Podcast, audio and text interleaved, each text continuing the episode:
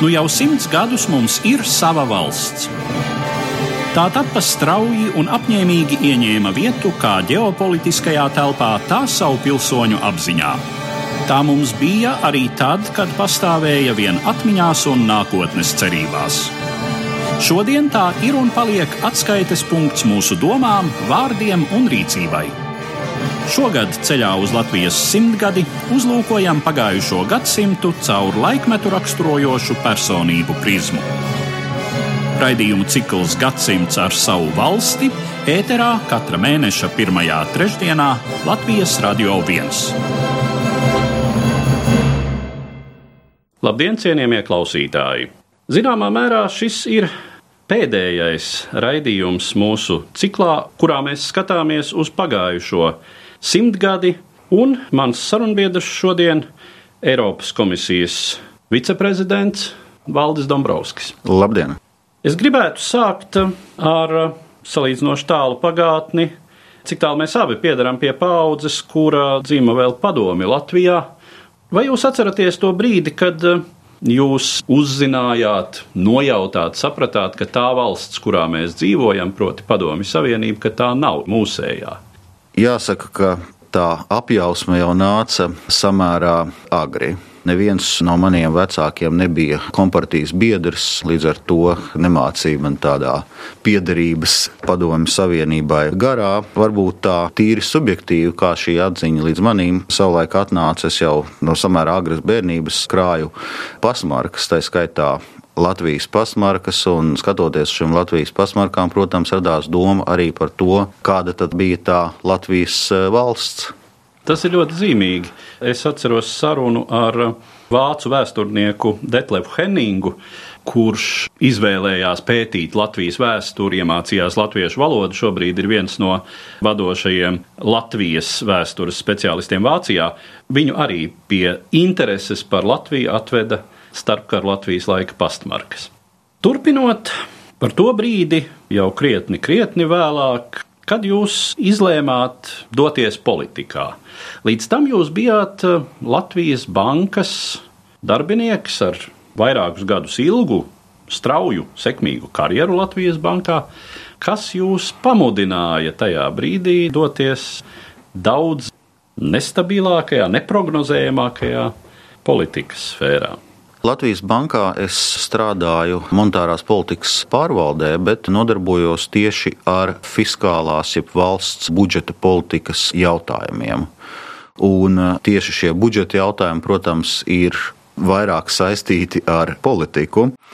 Un tajā brīdī, kad eh, toreizējais Latvijas bankas prezidents Enārs Repše izlēma dibināt savu partiju, es viņam faktiski pievienojos, dodot pienesumu tieši šajos fiskālajos valsts budžeta jautājumos. Pēc tam bija Latvijas finanšu ministra periods Enāra Repšas valdībā, un eh, tad Eiropas parlamenta deputāta laiks. Droši vien, ka vērojot to, kas notiek ar Latvijas budžetu, Latvijas ekonomiku, teiksim, 2007. un 2008. gadā, kad tika runāts par treknajiem gadiem, jums bija kāda nojauta par to, ka tā nākotne var nebūt tik saulaina. Kad jūs pats pirmo reizi sapratāt, ka krīze neies Latvijai secen un ka tā var būt mums diezgan smaga? Droši vien, lai saprast to krīzes laiku, arī pirmskrīzes laiku, tomēr jāatgriežas arī tajā periodā, kad eh, es biju finanšu ministrs. Jo toreiz, ja atcerieties, Repšas valdība ieviesa tādu taupības režīmu. Salīdzinot ar krīzes laika pasākumiem, protams, tas bija ļoti maigs taupības režīms uzsverot to, ka Latvijas ekonomika pietiekami strauji attīstās. Tas bija 2002, 2003, 2004 gads. Un šādos ekonomikas izaugsmas apstākļos ir jāmazina budžeta deficīts un ir jāvirzās uz sabalansētu budžetu. Daudziem koalīcijas partneriem, arī citām partijām, tas nepatika toreiz šī ideja par taupības režīmu, rezultātā, kad Repšas valdība krita 2014. gadā nāca Eimša valdība, pēc tam Kalvīša valdība, un lozungs bija cits, ka jāgāzē līdz grīdai. Un tas arī bija viens no faktoriem, kas pārkarsēja Latvijas ekonomiku. to, ka arī jau tā saucamajos traknajos gados faktiski bija ļoti skaidri redzama ekonomikas nesabalansētība, rādīja pietiekami daudzi makroekonomiski indikātori. Ja mēs paskatāmies uz inflāciju, tātad divcipara inflācija, tekošā konta deficīts atsevišķos gados pat pārsniedz 20% no iekšzemes koprodukta neraugoties uz vairākus gadus pat divciparu ekonomisko izaugsmu, budžets aizvien nebija sabalansēts. Līdz ar to bija redzams, ka Latvijas ekonomika tiek pārkarsēta, ļoti strauji kredītu pieaugums, nekustamā īpašuma burbulis visi šie faktori, un ja būs kādas nopietnas problēmas pasaules ekonomikā, tad arī Latvijai būs nopietnas problēmas. Jāsaka, tiešām tajā laikā lielākā daļa ekspertu nesagaidīja tik dziļu un smagu arī globālo finanšu un ekonomisko krīzi. Bet tad, kad šī krīze, diemžēl, pienāca, tad arī viss šis Latvijas ekonomikas trakno gadu burbulis pārplīza un Latvija arī nokļuva dziļā krīzē. Nu, jūs to vērojāt no distances, bet, kā jau jūs teicāt, Latvija šai ziņā nebija īpaši oriģināla, varbūt bija salīdzinoši teiksim, šī trekno gada optimisma pārņemta, bet uh, līdzīgi izjūta jau valdīja vairāk vai mazāk globāli. Bet vēlreiz uzsverot, tātad tas brīdis, kad um, jums piedāvāja šo iespēju, kā jūs to atceraties? Tajā laikā partija jaunais laiks bija opozīcijā. Es arī vairākas reizes jau tiku virzīts kā partijas jaunais laiks premjera kandidāts, bet tajā laikā bija cita koalīcija un strādāt ar jauno laiku viņi toreiz nevēlējās. Līdz ar to tas viss tā arī palika. Tad, kad iestājās krīze un krita godmaņu valdība, tad arī šo trakno gadu koalīcija bija kaut kur pabēgus malā un gribēja, lai kāds cits uzņemās iniciatīvu. Un, principā jau tas krīzes smagums tajā brīdī brīdī bija redzams. Tātad jau 2008. gadā bija Pareks bankas kraks, Latvija vērsās pie starptautiskiem aizdevējiem, pie Starptautiskā valūtas fonda, Eiropas komisijas. Tātad bija jau uzsākta starptautiskā aizdevuma programma, bija uzsākti jau pirmie taupības pasākumi, bija skaidrs, ka ir dziļa ekonomiskā krīze, divciparu recesija tās situācijas smagums jau bija redzams, un arī jaunā laikā mums bija diskusija, vai šādā situācijā mums ir jāuzņemās vadība, mēģināt darīt eh, vai labot to, ko iepriekšējā koalīcija bija salaidusi grīstē. Nu, mēs tomēr to uzņēmāmies, bet zinot, ka tas būs viens ļoti smags posms, kam būs jātiek cauri. Cik smags šis posms izrādījās, ja jūs tos samērojat ar tiem priekšstatiem, kas jums bija pirms jūs sākāt?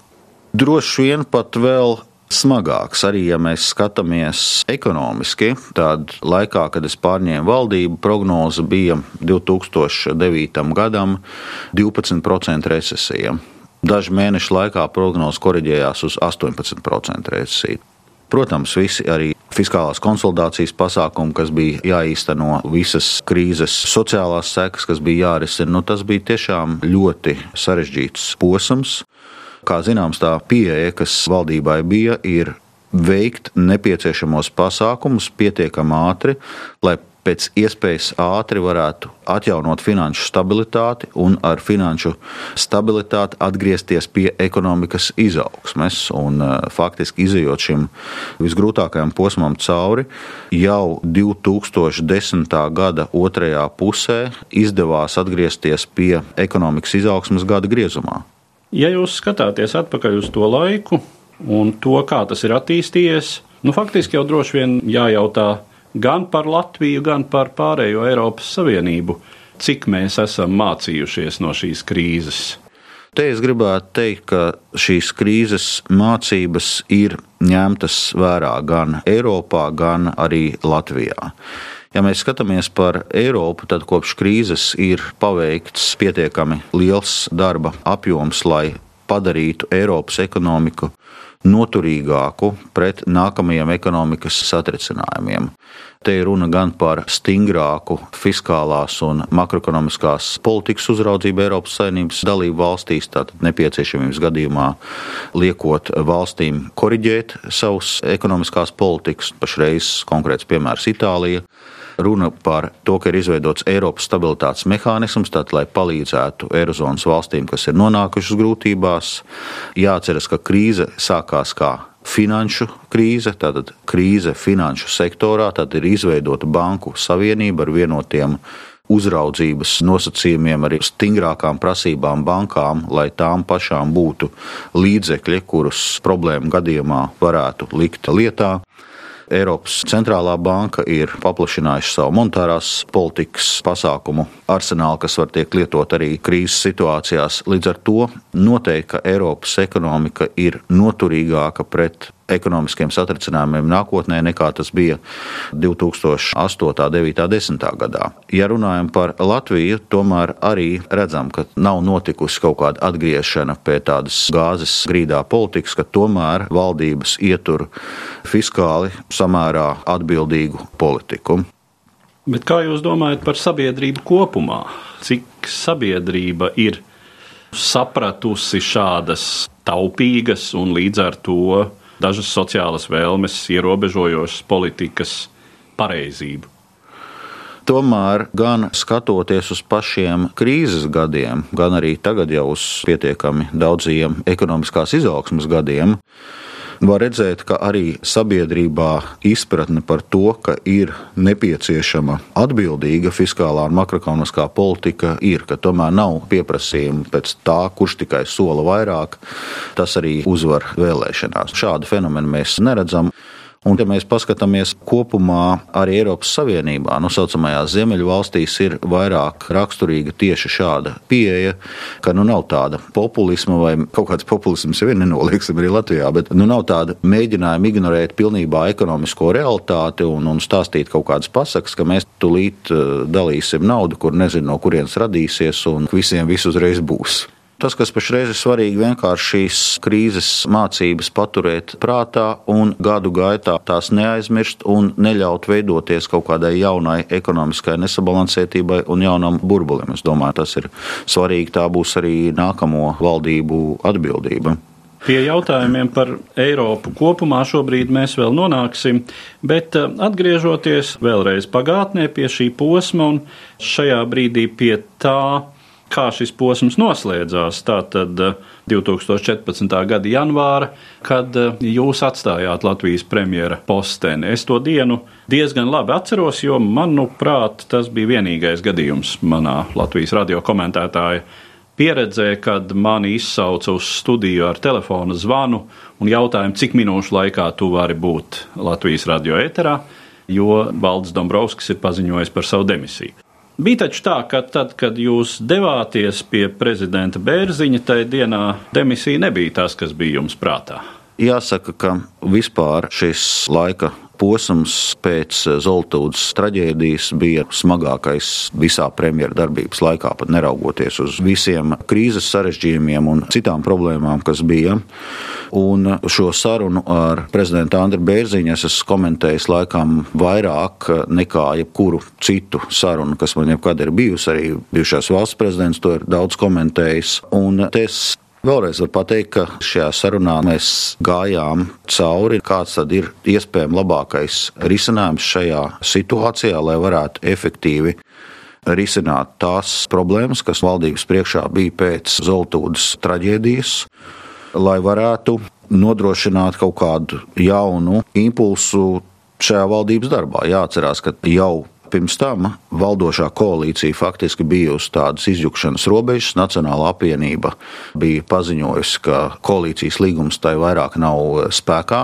Atcerieties, bija peripetīs ap tā laika tieslietu ministru Jāni Bordānu, kura demisiju Nacionālā apvienība pieprasīja saistībā ar maksātnespējas reformām. Es atteicos šo demisiju ministram pieprasīt, un bija izveidojis nopietns konflikts.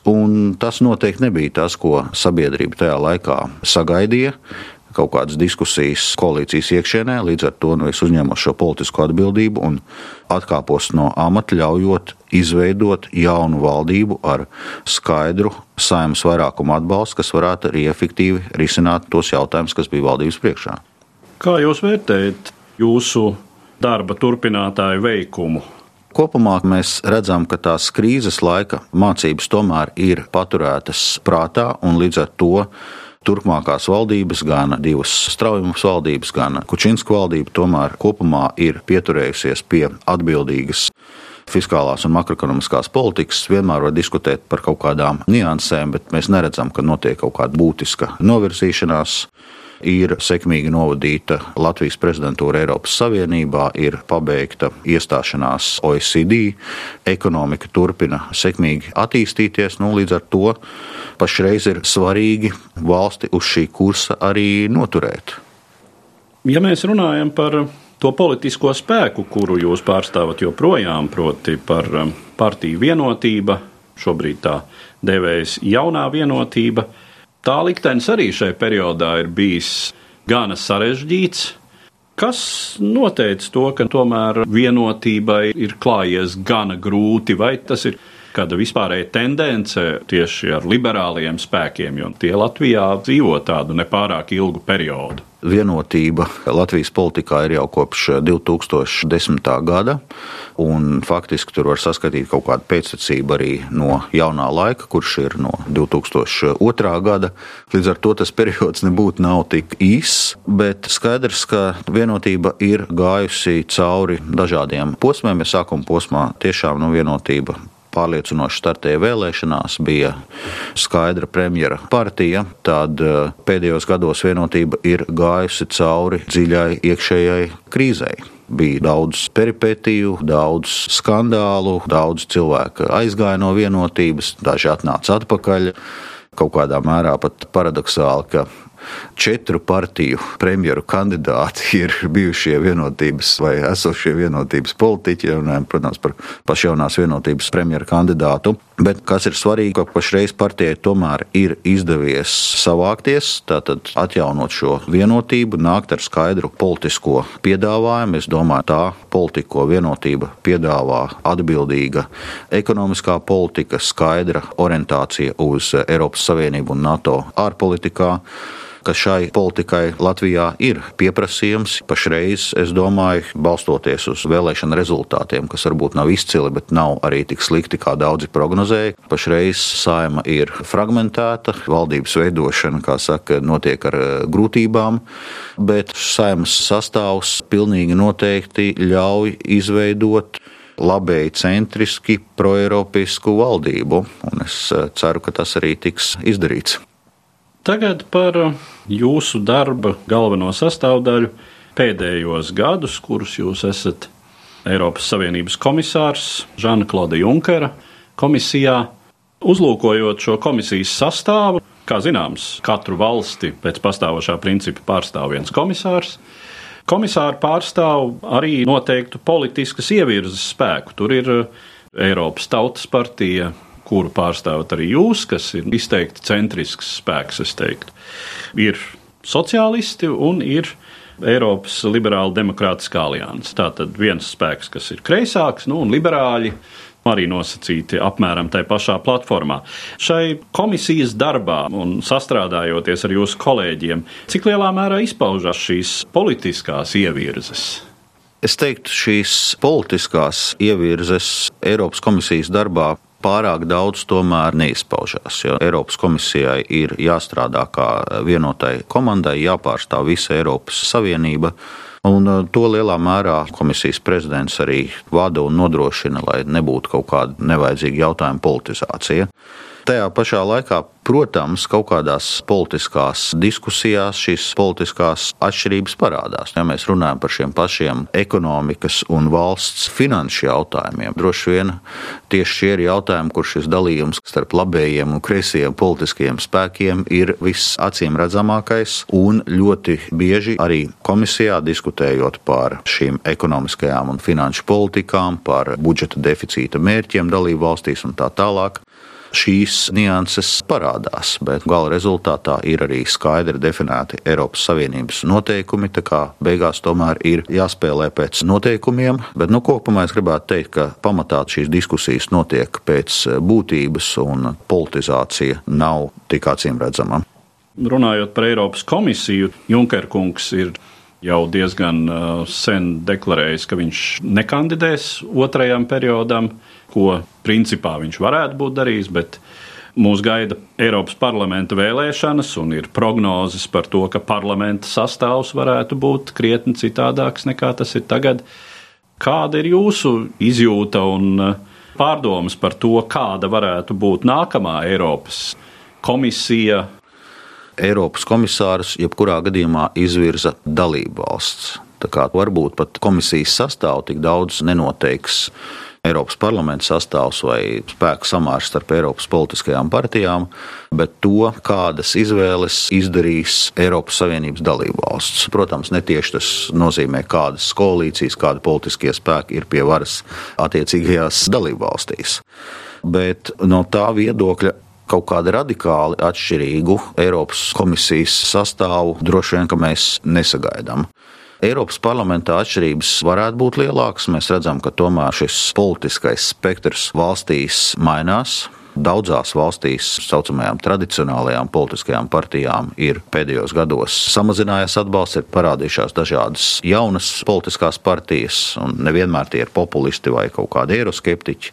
Ja mēs paskatāmies to pašu Franciju, kur tieši ļoti centrisks un proeiropeisks spēks parādījās un pašreiz dominē Francijas politikā, līdz ar to šī situācija dažādās valstīs ir atšķirīga, bet jārēķinās, ka Eiropas parlamentā izveidot tādu stabilu vairākumu, kas varētu virzīt uz priekšu Eiropas Savienībai aktuālos jautājumus, varētu būt sarežģītāk. Un jūs jau pieminētajiem proeiropiskajiem politiskajiem spēkiem būs ciešāk jāsadarbojās. Kas arī nevienmēr ir viegli, jo tomēr, ja mēs paskatāmies uz to pašu nu, Eiropas Tautas partijas, kas ir labai centriska partija, ideoloģija un sociāldemokrāta ideoloģija tās tomēr atšķirās. Komisijas prezidents Junkers, starp citu, arī ir vairāk kārt uzsvēris, ka nu, viņa redzējumā Eiropai būtu jākļūst vēl integrētākai, arī tīri politiski.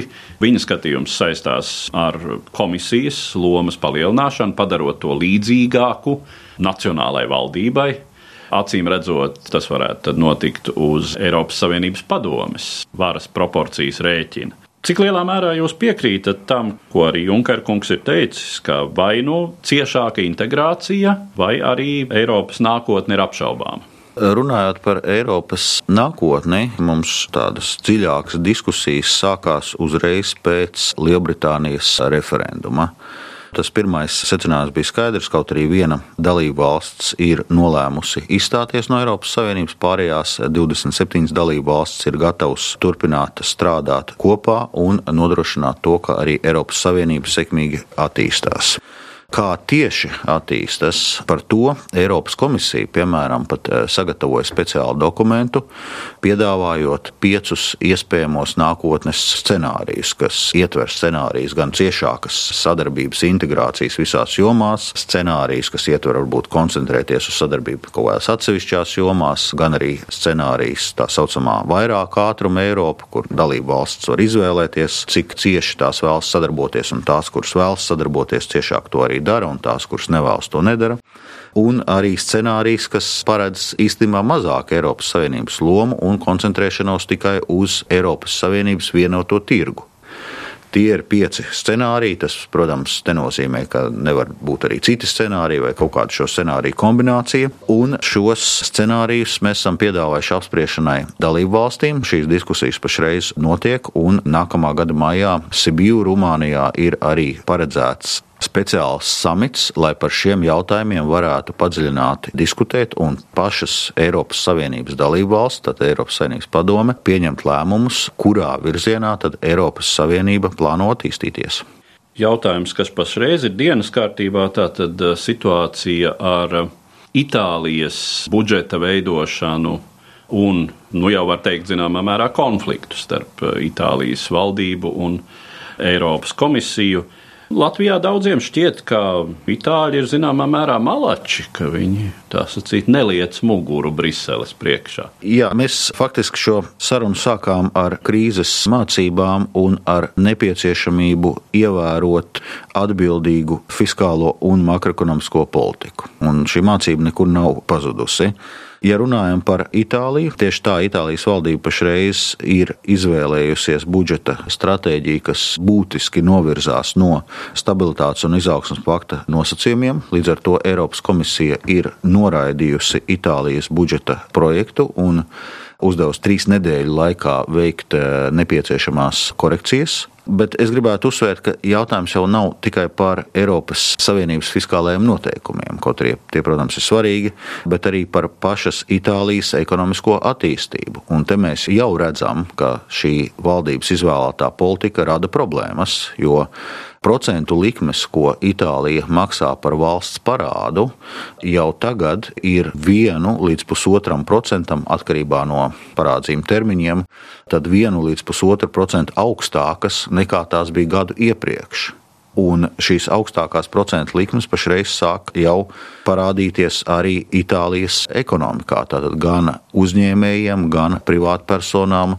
līdzekļu pieejamība kļūst sarežģītāka un dārgāka. Investīcija pieejamība Itālijai kļūst problemātiskāka. Līdz ar to šī ideja, ka nu, Itālija tagad veiks fiskālo stimulu un um, tādā veidā panāks straujāku attīstību, visticamāk nepiepildīsies, un caur šo finanšu nestabilitāti, caur augstākām procentu likmēm, caur mazākām investīcijām, tas tikai vēl vairāk nobremzēs Itālijas ekonomikas attīstību un tikai padziļinās Itālijas ekonomiskās problēmas. Paralēli, ko mēs vērtējam, ir arī Itālijas atbilstība valsts parāda nosacījumiem. Un faktiski mēs vērtējam, vai ir nepieciešams atvērt pārmērīga budžeta deficīta procedūru, kas ir saistīta ar valsts parādu.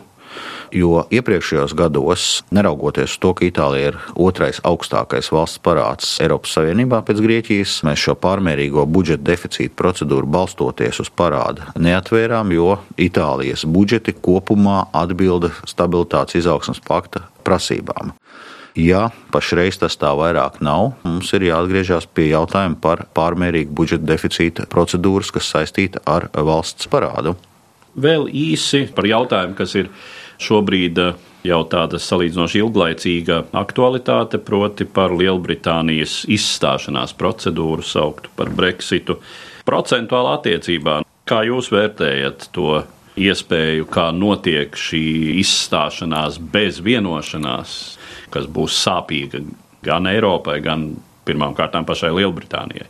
Tieši tā, no šādas situācijas tāpēc arī vajadzētu izvairīties, un tāpēc arī Eiropas komisija strādā uz to, lai šī vienošanās būtu, un lai Lielbritānijas izstāšanās notiktu veidā, par kur ir panākta vienošanās, un kur tiek attiecīgi arī minimizētas kaut kādas negatīvās ekonomiskās sekas. Kā mēs zinām, šis galvenais problēma jautājums, kas tiek aizvien risināts, ir saistībā ar robežu starp Īrijas republiku un Ziemeļīriju, kur savulaik tika panākta vienošanās, ka šajā vietā nav tādas reālas robežas, kas ļāva zināmā mērā arī izbeigt eh, konfliktu Sīrijā, kas bija ļoti ilgstoši. Un līdz ar to, lai saglabātu šo stabilitāti, ir svarīgi nodrošināt, ka šī vienošanās starp Īrijas republiku un Ziemeļīriju tiek saglabāta. Pašreiz notiek diskusijas, kādā veidā pie šāda ierobežojuma veidot muitas attiecības un muitas robežu starp Eiropas Savienību un Lielbritāniju. Iespējamie risinājumi ir iezīmēti, bet tie ir arī politiski sarežģīti jautājumi. Bet, nu, es ceru, ka tuvāko nedēļu laikā mēs arī par šiem jautājumiem spēsim vienoties, jo vienošanās būtu jāpanāk vēl šī gada laikā jo tad ir nepieciešami kādi trīs mēneši šīs vienošanās ratifikācijas procesam gan pašā Lielbritānijā, gan pārējās Eiropas Savienības dalību valstīs, gan arī Eiropas parlamentā. Atgriežoties pie jums pašam būtiskiem jautājumiem, jautājums, kuru es starp citu arī uzdevu Godmaņa kungam par iespējamu atgriešanos Latvijas valdības vadītāja amplitūdā. Godmaņa kungs teica, nekad. Ko saka Dombrovska kungs? Es saku, nekad nesaku nekad. Jā, es jebkurā gadījumā nekad neesmu izslēdzis iespēju atgriezties Latvijas politikā. Pašreiz gan nekādu konkrētu plānu vai uzstādījumu šajā kontekstā nav, bet iespēja, ka es kaut kad atgrieztos Latvijas politikā, es pilnīgi noteikti neizslēdzu.